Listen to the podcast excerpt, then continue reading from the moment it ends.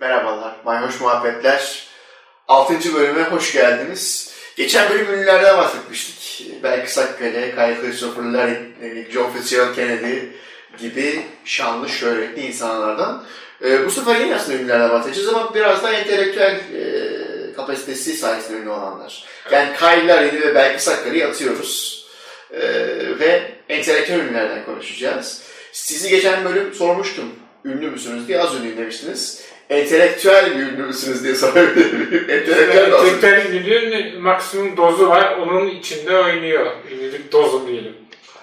Ee, peki maksimum dozu ulaşan entelektüel ünlü herhalde şeydir entelektüel ünlülükten İlber Ortaylı falan.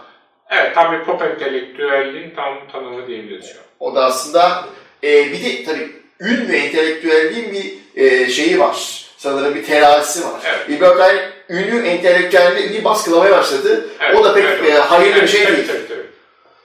Bir yerde durmak gerekiyor. Evet, bir yerde durmak gerekiyor. O biraz da tabii şey olmuyor. Sadece tek taraflı olmuyor. Aslında bir para bastığı zaman ya da ondan birileri de fayda gördüğü zaman onu pompalıyorlar. Hani işte mesela İlber Ortaylı'nın birçok kitap aslında kitap değil, e, söylediklerinin kayda geçirilmesi. Ve içinde o yüzden çok maddi hata da oluyor. E, ve tabii böyle kritik edisyon da geçmiyor. Hı hı. O yüzden de e, böyle hani konuştuğu gibi yazı yazılar, metni var. Çünkü yani insanlar böyle işte kitabı çıktı falan deyince böyle biraz esnaf gibi e, kaç sattı, kaç yapar hani bu, bu şey gibi dükkanda bunun cirosu nedir hesabı gibi. Bilmeyen için e, kitap yazak hiçbir şeyde para falan kazanılmaz. Çünkü kitap bin basar, hadi 1500 basın. Onun gelen telifi de böyle hesaplı hesaplasınlar. %7-8 olsa bunun da KDV'sinde gelir vergisinde şimdi bir şey kalmaz. Ama kitabının 100 bin satacağı garanti ise evet bir şey kazandı. Siz de ısrarla kitap yazıyorsunuz buna karşın sevgili hocam. Durdurulamayan bir şekilde. Binlik kitap yazıyoruz işte, 1500 kitap yazıyoruz. Yeni kitap ne zaman çıkacak? Yeni kitap e, Mart gibi çıkacak. Konusu ne olacak? E, konusu 90'lı yıllar. 90. Şöyle 90'lı yılların bir nevi kültürel dünyası, entelektüel hayat ve siyasal hayatın kesişim noktasında e, 90'ların bir yorum devresi gibi bir şey. İşte 90'lar bir anda çok fazla celebrity ortaya çıktı. İşte entelektüel celebrity de çıktı. Bir, e, yeni bir dünya oldu. Entelektüel celebrity nedir? Nasıl olunur? Ee, ya işte tabii entelektüel dediğimizde bu adamın bir mesleği var. Para kazandığı mesleği var. Bu ya, ya gazeteci olabilir, Hı hı. akademisyen olabilir. Hı hı. Ya da bunlar olmayabilir ama e, işte avukat gibi bir belki kamusal alanda bir, takım, bir takım aktif olan insanlar bir yandan da bu gözle görülebilir. Mesela şey düşünün, işte Zülfü Livaneli, Edip Akbayram bunlar e, şarkıcı. Fakat işte pop, şey, folk müzik, işte soul, e, protest müzik falan derken Rahmet Kaya bir entelektüel payesi biçiliyor. Neden biçiliyor? Pop müzik söyledikleri için aslında. Hani popçu da entelektüel olabilir. Ama çok ciddiye almazsın ama hani işte Zülfü Livaneli'nin e, şarkı, sözleri falan derken e, hani tabi onun yazarlığı da aynı şekilde geçerli ama hani Elif Akbayram'ın ilgisi böyle bir şey aslında. Hani onun fikrini soruyorlar, görüşlerini soruyorlar. Niye soruyorlar aslında? Folk, folk müzik ya da işte Türk yorumcusu olduğu için. Serdar Bağcan da öyle mesela. Serdar Bağcan da. görüşe soruyor. Çünkü bu insanlar çok da... E, Hatta ben geçen de okudum. Serdar Bağcan aslında ilk çıktığında hiç politik değilmiş. Ee, hayır, sadece Türk yorumluyormuş. Yani Türkleri ve flamenco ezgilerine göre yorumluyormuş. Fakat ona, ona öyle bir yakıştı. Onun hatta niyeyse Deniz Gezmiş'in sevgilisi diye bir şair çıkmış. Ve o sayede sonrasında ben çok benimsemiş bunu. Hani bir nevi aslında müzik tarzı kadını sol protest bir noktaya sürüklemiş diye okudum. Evet, kuliste körler adeta birbirine çarpıyordu. İlgisi de geliyor aklımıza Serdar Bağcan denince. Serdar Bağcan da mesela röportajlarında Elif Akbayram aynı şekilde. Hani ne demiş? Aslında merak ediyorsunuz bir röportajı orada Evet. başlıyorsunuz. Çok da hakikaten aslında affedilen entelektüelite bir şeyler söyleniyor Evet. insanlar. Hani Erkin Koray falan da aynı kullandı. sokaktaki insan ne diyorsa onu Evet. söylüyor yani. Mesela e, Cem Karaca ölmeden önce öyleydi. Erkin Koray çünkü onlar da bir Anadolu rock, Anadolu pop yapmışlar. O halde onlara da bir şey biçiliyor. Aslında bu eski zamanda şairliğin son kalıntısı aslında bu. Hani bir tür bunlar da bir ne diyelim eee epik anlatılar. Evet, Cem Eski Yılmaz'ın zamanda da- hani şey şu şairlerden işte Aykara Kaç öldü. Hı hı. Ee, İsmet Özel, hani e, Atilla İlhan, hani bunların entelektüel tarafı sorgulanabilir ama sırf iyi şair oldukları için e, sözlerine itimat edilir görüyorlar. Dün dünyada da benzer. Nazım Hikmet aslında dahil. Bunlar entelektüel aslında değildi ama şair öyle bir güçlü sesi var ki şair sesi dinlenir. Belki de bu işte Edip Akbayraktar falan bunun artık şi, şa- şiir çağı bittiği zaman o misyon belki de bunlara Olur, geçti. Müzikte şiir. Evet. Ee, hatta Yeni türkü düşün. E, eskinin günlüğü. Hani o müzikteki müziği söyleyen bir adam etekli olmalıdır diye hepimizin kafasında böyle bir varsayım var. bak mesela şey geliyor aklıma hem politik hem de bir entelektüel ünlülük şeyinden. ÖDP ilk kurulduğunda hem e, Yeni Türkü'nün şarkısını kullanmıştı. E, yeniden Evet. Şarkı tam adını da o Evet. anladın sen. Evet. E, bir de Can Yücel falan mesela Fakir Baykut aday olmuştu şeyden, Evet. liselerinden. Hatta Fakir Baykut tamamen yazar da Can Yücel dediğin gibi şair hikayesi. Yoksa büyük bir entelektüel miydi bilmiyorum. Evet. Hani Murat Belge'nin onunla ilgili biraz kibar şeyleri var. Hani Can'la bir çok konuştuk, arkadaştık. Müziklerini çok ciddiye almazdı gibi bir şey ama iyi şairdi falan diye öyle şeyleri var. Şiirselden şairane. Orada biraz dedikodu kitabı. evet Murat Belge'nin babası Burhan Belge. Evet. Evet şimdi şu anda sadece bir aklıma geldi. Aslında yani. şey de öyle mesela Murat Belge çıktığında herkes şey diyordu muhtemelen. Bu Burhan Belge'nin oğlu diye. Biz ise Burhan Belge'yi onun Babası. tanımıyoruz. Aynı durum e, yaş şeyleri fark ediyor. E, çünkü ben Tarkan ilk çıktığında bu Fethi Tevetoğlu'nun büyük yeğeniymiş diye ilk aklımda kalmış. Şu anda hani bu kimse Fikri Tevetoğlu kimdir? Fethi Tevetoğlu e, 60'ların 70'lerin Soğuk Savaş zamanları büyük Turancı, milliyetçi, sağcı entelektüellerinden. Aynı Dark Parti milletvekili.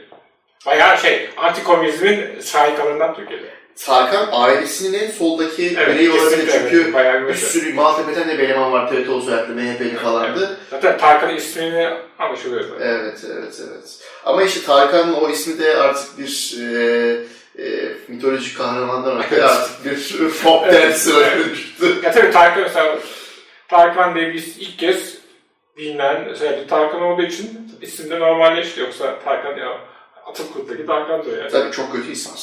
Berbat bir isim.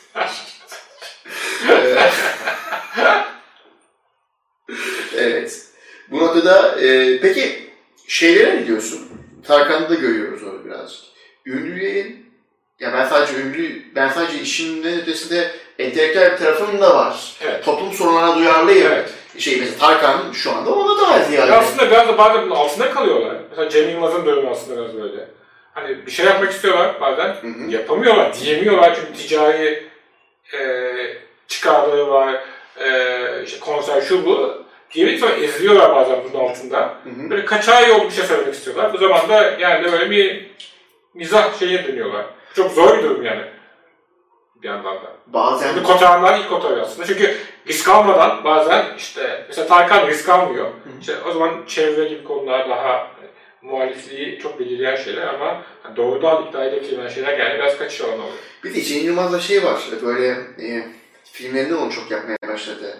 İşte dokundurayım, Evet. yok gönderme yapayım falan. Abiciğim senden gönderme evet demiyoruz. Zekanı görsen evet demiyoruz. Şudur, şudur yani. Mesela her şey çok güzel olacak akımı çıkmıştı. Bütün ünlüler işte her şey çok güzel Evet. olacak yazdı. Ee, inansın ya da inanmasın. Çünkü ünlülerin e, böyle şeylerde de bir akım oluyor. ve O Evet. Gezi'de de aynısı Evet, olmuştu. evet, E, o trendi oluyor, o peşinden Evet. gidiyorlar. Daha sonra 15 Temmuz trendi oluyor, o peşinden gidiyorlar. Ünlüler Evet, gizli, gizli anında birden risksiz gözüktü. Öyle bir meşhur bir kaynağı gözüktü ki herkes birden muhalif olduğu ortaya çıktı. Hatta hepsi böyle kaç yıldır şey yapıyorduk, ağzını açmamış. Sonra tekrar işte 15 Temmuz ortamı susturdu. İşte Ekrem İmamoğlu'yla beraber tekrar böyle bir de ünlüleri görmüştük. Her şey dediğin gibi her şey. Muharrem İnce mitinginde de birkaç tane eleman vardı. Onlar ama yanlış yanlış anons yani. Allah Muharrem İnce mitinginden olayın değişeceği belli diye gidiyorsun.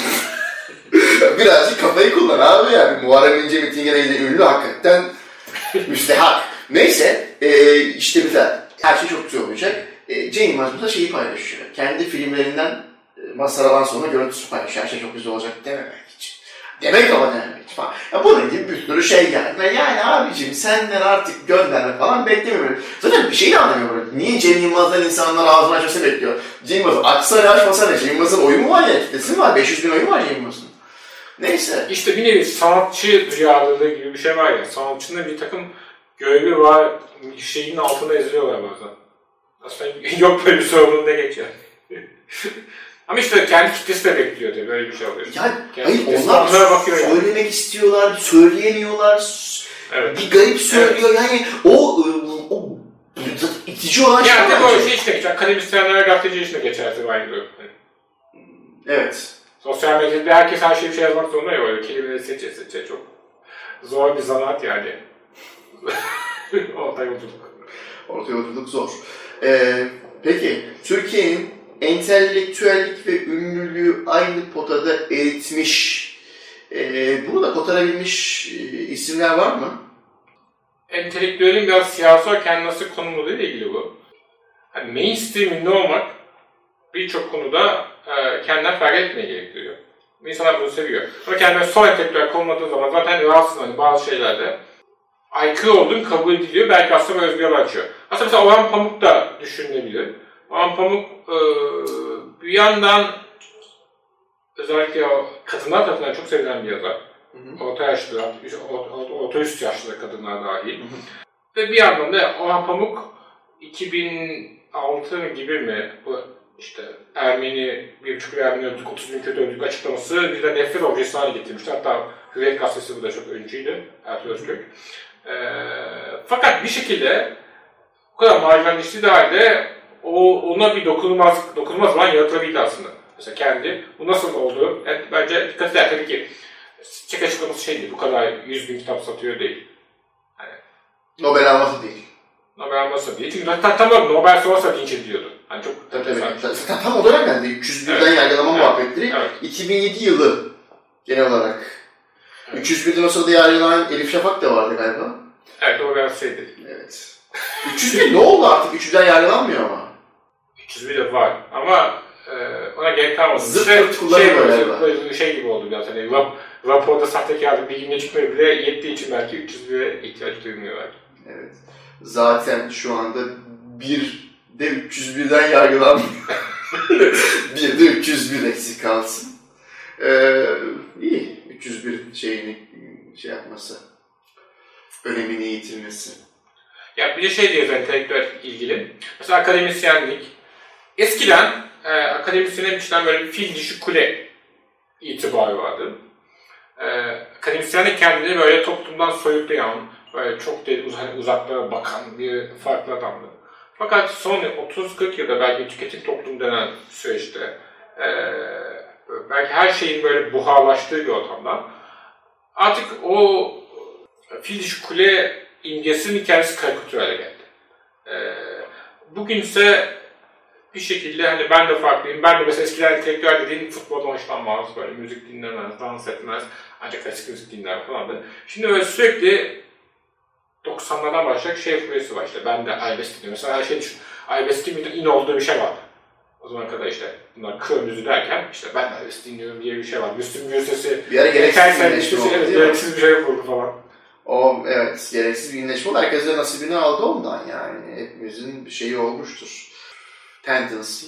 Daha sonra da ulan o kadar da değil. Yani yani herkesin çünkü e, ya bir trende uygun işte yani şey trendi gibi aslında Gezi Parkı'nın trendi olması Evet. gibi. E, o arabesk trendi de öyle. E, şey mesela o, o bakımdan o trende kapılmayıp da ş- en azından kapılmayıp kendi düşüncesini belirten bir e, Fazıl Say'a buradan hani e, tebrik etmek istiyorum. En azından o trende kapılmadı yani. Evet. Hani yoksa söylediği şey çok manalı bir şey değil. Ama fazla entelektüeldir. Yani işte entelektüel bir çeşitli şeylerden tanesi. Yoksa fazla sayıda da hani öyle bir Evet. entelektüellik şey ama işte e, hani aslında eski zamanlarda mesela e, İdris Bey'de falan böyle bir şey biçiliyor muydu bilmiyorum. Sanki fazla sayıda biraz şey bu. Tam AK Parti dönemine geldi ya böyle Atatürkçü bir şey söyle şeyi ve onda da öyle bir damar vardı. Hani buradan politize oldu mesela aslında mesela daha önce e, 60'lar 70'lerde bir, bir yanlış bir şey bir, bir söylüyordu belki. Hani benzer misyon biçilen Sunaka'nın Bey'in böyle politize figürler değil hatta politika üstüydü fakat ki AK Parti döneminde eee, bir şekilde mainstream politikleşince fazla sayıda böyle bir imge haline, bir figür haline geldi. Onda bir de şöyle bir detay var o herif. E, 2012 yılında falan galiba bir retweet etti bir Ömer Hayyam'ın bir tweetini. Evet davası. Ve herifin davası açıldı Evet. yani. Öyle bir o, o öyle bir nokta olunca tabii ki Evet. a, politikleşiyor insan. Yani. Onun Evet. öyle bir durumu var. Yoksa öyle çok büyük bir politik görüşü, fikri olan falan bir eleman Evet. tabii ki ama Ama işte şey de oluyor AK Parti döneminde hani Atatürkçülük mesela politik fikir haline geldi. Oysa Atatürkçülük AK Parti'de normal insanın normal varsaydığı bir şey politika üstüydü Atatürk. Bu bu böyle e, hani Kimi- politizasyon işte milliyetçilik, İslamcılık, sosyalizm, liberalizm bunlar politik tavırlardı. Atatürk politik tavır değildi. Politik tavır olunca işte hani o e, bu aslında yeni bir politizasyon yarattı. Hocam entelektüellik ve ünlülük demişken bu tarz ünlüleri aslında çok seven bir insan var. Fatih Altaylı. Evet. Tek tek programı ben bunları çıkartayım. Ee, bir, bir haftanın bir günü bilim konuşayım, bir günü siyaset konuşayım. Ee, ondan sonra da e, bu adamlarda kimisi tabii muğlis insanlar, kimisi de Celal Şengör gibi freak insanlar. Evet. Mesela Celal Şengör entelektüellik ve ünlülüğü aynı potada e, eritmeyi bir şekilde yıllardır sürdüren, e, seveni, sevmeyenleri çok olan enteresan ve Evet, bazı sana controversial'lık da ünlü. Mesela Evet. Serşen Gön'ün iddiası, ben controversial, aslında controversial değil. Hani ben doğruyu, hakikati test ediyorum. İnsanlar bu hakikatin ışığından yoksunlar. Ee, ben bu ışığı veriyorum gibi ama tabii kendi konumladığı yer, e, ben kimseye muhatap almam. Hani bu da böyle bir aura üzerinden de bir e, durum söz konusu. bazı insel e, arkadaşlar da Evet. Celal Şengör'ü böyle çok idol görüyorlar. Evet, bu, bu, bu, tabii- ergen ateizmi e, sosyal medyada çok fazla var. Öyle, öyle bir şey var. Aslında tabii entelektüellerin en büyük sıkıntısı da belki şey, bir fen, e, kendisine yönelik fenleri fazla ciddiye alıp kendilerine bir paye çıkarmaları. Çok kolay insanları yoldan çıkartıyor. Bu şeyde Celal Şengör de sık sık kullanıyor onu. Doğan Hızlan'da da vardı. E, Emrah Safa Bey de Evet, kullanıyor. papyon. Papyon. Nedir abi? Bu papyon takıl, takmak? Aslında bir e, marker, bir e, kendi farklılaştıran bir ifade biçimi oluyor. Hani bu da aslında bir ne diyelim, e, çok güzel bir e, marka gibi bir şey. Papyon için akla geliyor. Belki tabii sakal bıyıklar da aslında benzer işi görüyor. Entelektüel sakal aslında, entelektüel her, ve her entelektüelin biçtiği sakal Hı hı. kendine bir hani imaj çizmekle beraber kendi entelektüelini perçinleyen bir e, tasarım haline geliyor. Televizyonun mesela Celal Şengör e, muhtemelen televizyon öncesi bir dönemde olsaydı bu kadar hayatımızın da yer eden bir figür olmayacaktı. Belki eserleriyle, yayınlarıyla falan kendisini- dünyasında kendisini bilen bir kitle olacaktı. E, fakat e, mağaza tabakası ilgilenecekti kendisiyle. özel televizyon dönemi olmasaydı böyle bir şey olmayacaktı. Türk halkının entelektüel çalışması ne zaman oldu? Siyaset meydanıyla mı başladı bu yani e, siyasi ve entelektüel tartışmalar hatta kavgaya varan tartışmalar. Evet. Tabii mesela 50'ler 60'lar da vardı. Mesela böyle Burhan Felek var ya fırka yazarları. Hani bunlar böyle bilinen isimlerdi ama bir mesafeden böyle ba- vardı eskisi Babacan Yusuf'la falan. Ee, ciddiyetli ağır başlı. 90'lar kadar e, özel televizyonlar geçen hafta da aslında bahsetmiştik. Kimin ünlü olup kimin olmayacağına karar veren yerler ortaya çıktı. Ve bu sanatçıları daha bu karar verdiği gibi entelektüellere de karar verdi.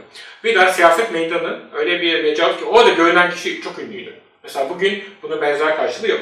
Mesela siyaset meydanı çok ünlü yaptığı kaç kişi var? Bir tanesi mesela Doktor Şateş. Doktor Şateş 93-94'ün ruh halini hani o Refah Partisi'nin tam işte Ankara'ya almadan önce ve aldığı sırada o korkunun sesi olan ve bunu böyle eski İstanbul beyefendisi üslubuyla eee işte taş yıllara karşı simgeleyen bir figür olarak birden siyaset meydanında çıktı ve eee bir entelektüel tanımı oldu. Ve siyaset meydanı çok ilginç. Siyaset meydanına 20-30 tane çok ünlü kişi katıldı. Bugün 20-30 ünlü kişiyi asla toplayamazsın böyle. Çünkü herkes biliyor ki siyaset meydanında 5 dakika bile konuşmak onu Türkiye'de konuşulan bir yapacak. Ee, ve o da hakikaten ona çıkardı. Hatta ben bilmiyordum. Mesela geçenlerde işte bahsettiğim kitap için e, eski siyaset meydanı e, kayıtları var mı diye baktım. Çok az var. 4-5 tane var ve kayıp aslında. Mesela bir baktım Tanrı konuşuyor. Siyaset meydanı hiç aklımda bile yok. Milliyetçilik konuşuyorlar. Tanrı ve Baskın var. O zaman çok önemli bir mecraydı. 90'lardan sonra e, mesela alternatif İskele Sancak vardı Kanal 7'de. İşte o zaman daha Ahmet Hakan çıkardı. Ahmet Hakan'ın işte ünlü olduğu yarısı. E, aslında o da ünlülük şey. Yani. Sonuncuktan ünlü olmak. Hani kendine entelektüel biçiyorsun bir yerden sonra. Ali Kılıç aynı şekilde. Siyaset meydanında o kadife sesiyle şey oldu. Can Dündar sesiyle ünlü oldular yani hakikaten. Hani e, diğer taraflarının üzerine geçti bu ve onları hani o sesleri, ses tonları, ses tonları verdikleri belki güven onları bir e, insanın baktığı figürü haline getirdi. Ve 2000'lerde işte Murat Bardakçı dediğim mesela şey andık Cihan Şengör'e beraber, Fatih Altaylı'yla beraber bir evreye girdi. Pelin Batu'nun eklendi işte Güzel Kadın kontenjanında. Yani hakikaten e, bu bir ne diyelim e, sektör haline geldi popülerlikle. Siyaset meydanı kadar şu an insanları ünlü yapan bir yer yok diyorsunuz mesela. Evet. Fakat şeyi yine de söyleyebiliriz bence. Son, son 10 yıldaki tarafsız bölge programında hala yani şu an mesela kalitesi çok düşmüş olmasına rağmen mesela Zafer Şahin diye bir eleman yani bu adam bu adamın lafına itibar edilir diye evet. bir tane MHP gazetesinden bir tane çok da entelektüel düzeyi düşük bir elemanı e, çıkartıp e, şey yapıyorlar, yüksek olmayan bir elemanı çıkartıp e, bu arkadaşın sözüne itibar edilir, bu arkadaş dinlenir diye. Aslında Gramsci'nin söylediği organik aydın e, evet. tanımına da örnek. Mesela o zaman hiçbir zaman şeye çıkmaz, Doğan Medya dönemindeyken de CNN Türk'te tarafsız böyle daha izlenir programdı. Ama o zamanlar işte CHP'den, HDP'den, MHP'den siyasetçiler çıkardı. Oktay Ural çıkardı, işte o çıkardı, bu çıkardı. AK Parti ise yine onların kendi aydınları çıkardı. Hüseyin Yayman falan. O, o, o da ona milletvekili yolu açtı. Evet. Ee, bununla bu bu şekilde ünlü oldu. Abdülkadir Selvi falan da öyle ünlü oldu ya. Abdülkadir Selvi bugün Hürriyet'e köşe yazıyorsa evet. orada konuşması sayesinde. Evet. Yani bir sıçrama tahtası kesinlikle. Ee, şey, Yaşar Hacı Salihoğlu düşünebiliriz yani her konuda görüşürüz. Saymaz İsmail Saymaz. Onun bile hani şey değil, tabii Twitter'ın da çok bir etkisi var orada ama e, yani İsmail Ama Saymaz'ın... Çok mesela muhabir, bu muhabirlikten geldi yani çok bir e, emeği vardı. Hani onun üzerine oturdu ama hani e, mesela akademisyen, bir akademisyen seçiliyor. AK Parti, AK Parti'nin yanında mesela muhtemelen şey olurdu.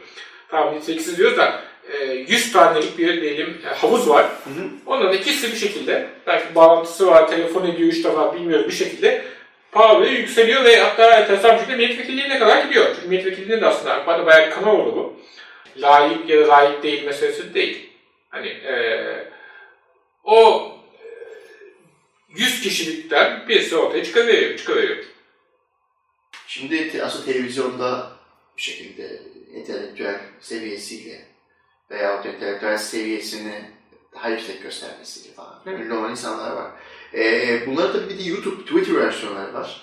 E, kimileri hani çok çok çok e, enteresan e, veya işte Wikipedia'dan alıp da e, bilgi flat yapıp falan filan. Orada entelektüelleşmek de öyle bir şey de var. Entelektüel hesap bana düşmek falan evet. var.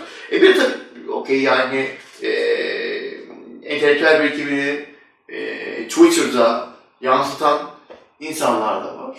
E, bu Twitter entelektüelliğini nasıl yorumlayabiliriz? Evet, aslında Türkiye'de bir de şey yaşandı, işte radikal gibi hı hı.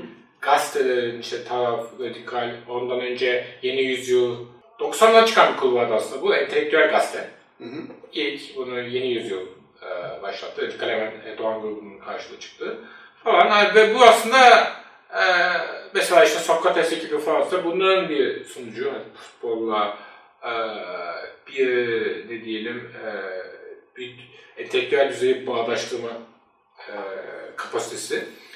Birden e, 2010'larla beraber işte radikal kapandı falan her türlü becera kapandı.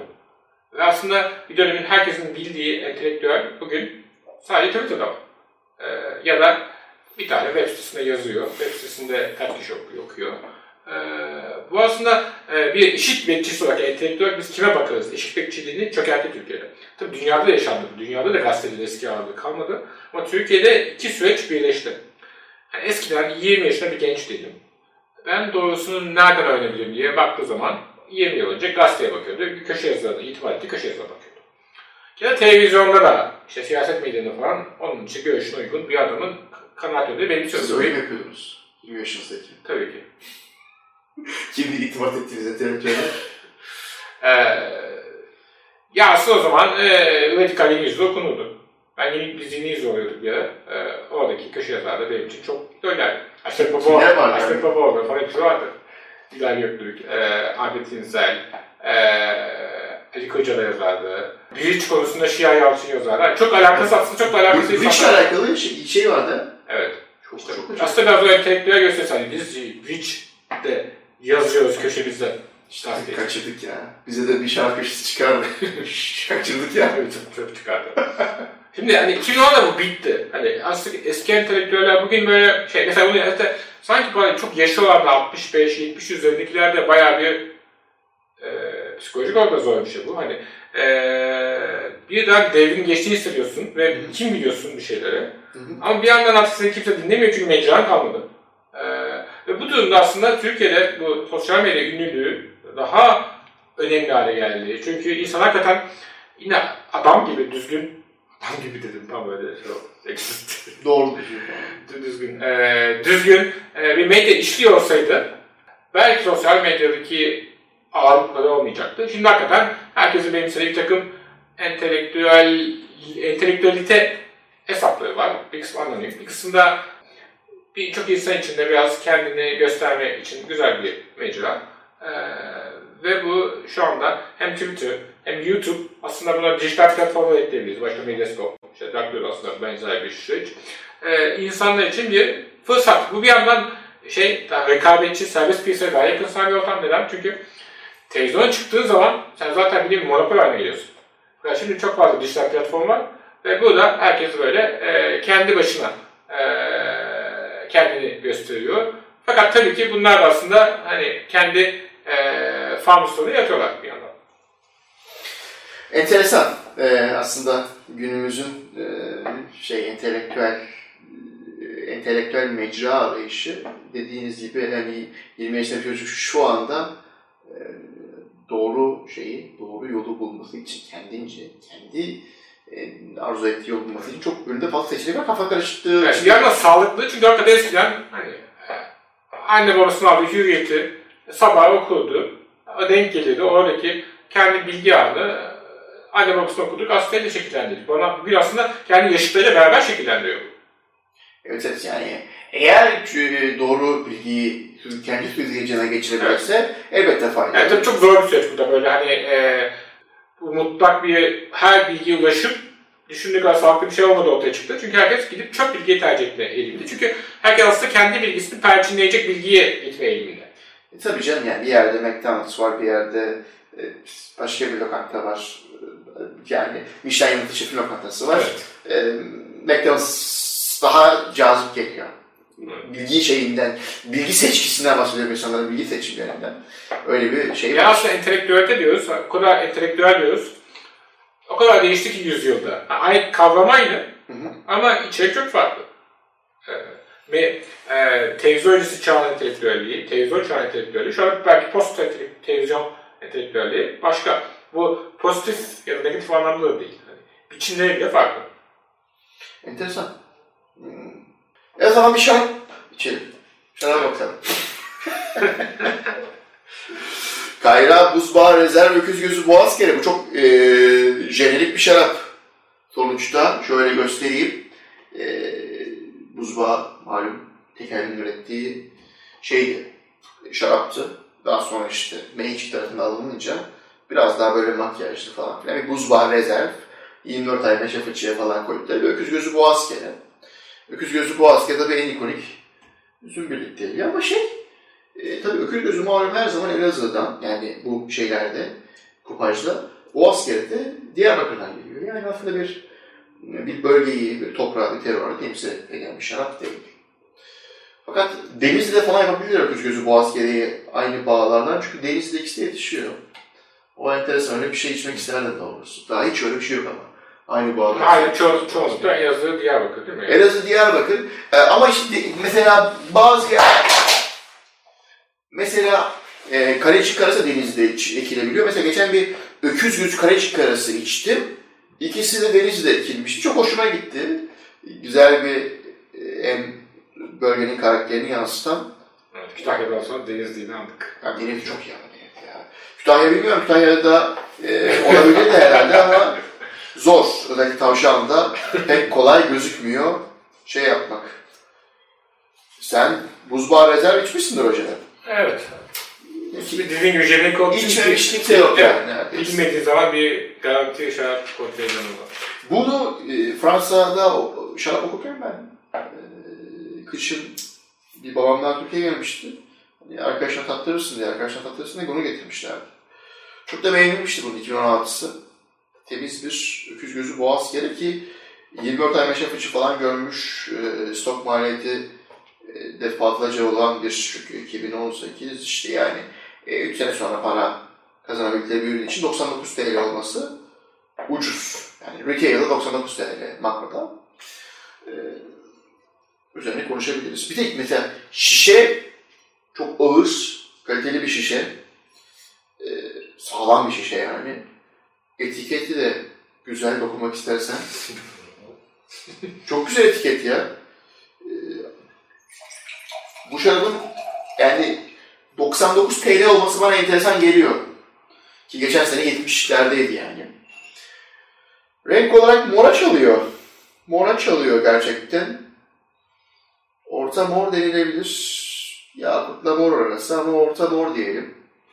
Burunda vanilya fıçıdan gelen e, Napolyon kirezi. Biraz karanfil. Yeşil biber gibi notlar var. Orta üst yoğunlukta güzel bir burun. E, damakta içine şeker eklemesi yok. Asidite hayli fazla. Keşke bu kadar fazla olmasaydı dedilecek kadar fazla. Biraz keskin bu şarap için. Taneleri ise bu şarapta bir Sangiovese misali kumsu taneler var ama kumsunun biraz daha kuvvetli versiyonu orta üst e, seviyede. Böyle kum gibi taneler ama çok daha kuvvetli. Normal e, kumsu Sangiovese'lerden, Chianti e, bölgesinde yapılan. Damakta ise alkol orta, gövde ise ortanın üzerinde, yükseğe yakın. Aroma ne alıyorsunuz? Vanilya, Vanilya. Fıçıdan gelen birazcık kaçlık, çilek aynen. Şey falan var böyle meyan kökü falan gibi aromalar var. Börtlen, börtlen. Ee, Aşırı kompleks değil zaten. Bitiş ise ortanın biraz üzerinde. Buna biraz puan verelim. Finish'e 7 vereyim. İntensity, damaktaki intensity, damakta da bunda da yoğunluk yüksek hocam ya. Ee, 8 buçuk verelim hadi ya. Bugün modum iyi. Complexity, kom çok kompleks değil ama az da değil. Ona da 7 vereyim. Dengeden biraz kıracağım. Asidite çok yüksek. Biraz ee, şey fazla keskin yapıyor şarabı. Ee, o sebeple dengeye de ona da, altı, ona da 14 verelim hadi 20 üzerinden. Ee, ne oldu? Ee, var fena puan çıkmadı hocam. Fena puan çıkmadı. 3.7 5 3.7 ve bölü 5 şu ana kadar en yüksek puanı verdiğim şarap. Ama sana en de fiyat olarak en büyük pahalı. Evet ama e, ya bir şey söyleyeyim mi? Bizim Paşa'nın Koloriko'su daha pahalı bundan. Paşa'nın Koloriko daha pahalı ama şey seviyeye daha pahalı. Koloriko çok az üretilen, çok nadir bir üzüm. Onun için Koloriko'lar pahalı. Yoksa aslında Koloriko şey, e, fıçıya fıçıya da girmeyen, direkt olarak üretildikten, yani hasattan 6 ay sonra şişeye girip satılan bir ürün. Fakat e. Köprü, köprü eli miydi bu? Yok abi. E, Tekirdağ Hoşköy. E, fakat dediğim gibi Trakya. E, bu ise tabii çok fazla üründen kazanıyor. Muhtemelen şu anda milyondan fazla şişesi vardır. O sebeple de şey yani ana akım şarap. Toprağından yaratan bir şarap değil. Koronakonun güzelliği doğal için. Ama temiz bir ana akım şarap bu da. Bu şarap nereye gider? Böyle biraz fazla pişmiş et miydi? Böyle kuru etli, kuru et Evet, kuru et. falan bir şey belki yani. Pizzayla da gider ama canım pizza istediği için belki de. canım pizza istedi. Aslında pis, bilmiyorum ki. Pomodoro pizza falan giderdi. Evet, biz bayağı da bir şişe şarap var. Burada koca bir şişe var. Bu şişeyi velayeti kime kadar bilmiyorum ama birer kadeh daha içeriz. Evet. Afiyet olsun. 6. bölüm bitti. 7. bölümde görüşmek üzere.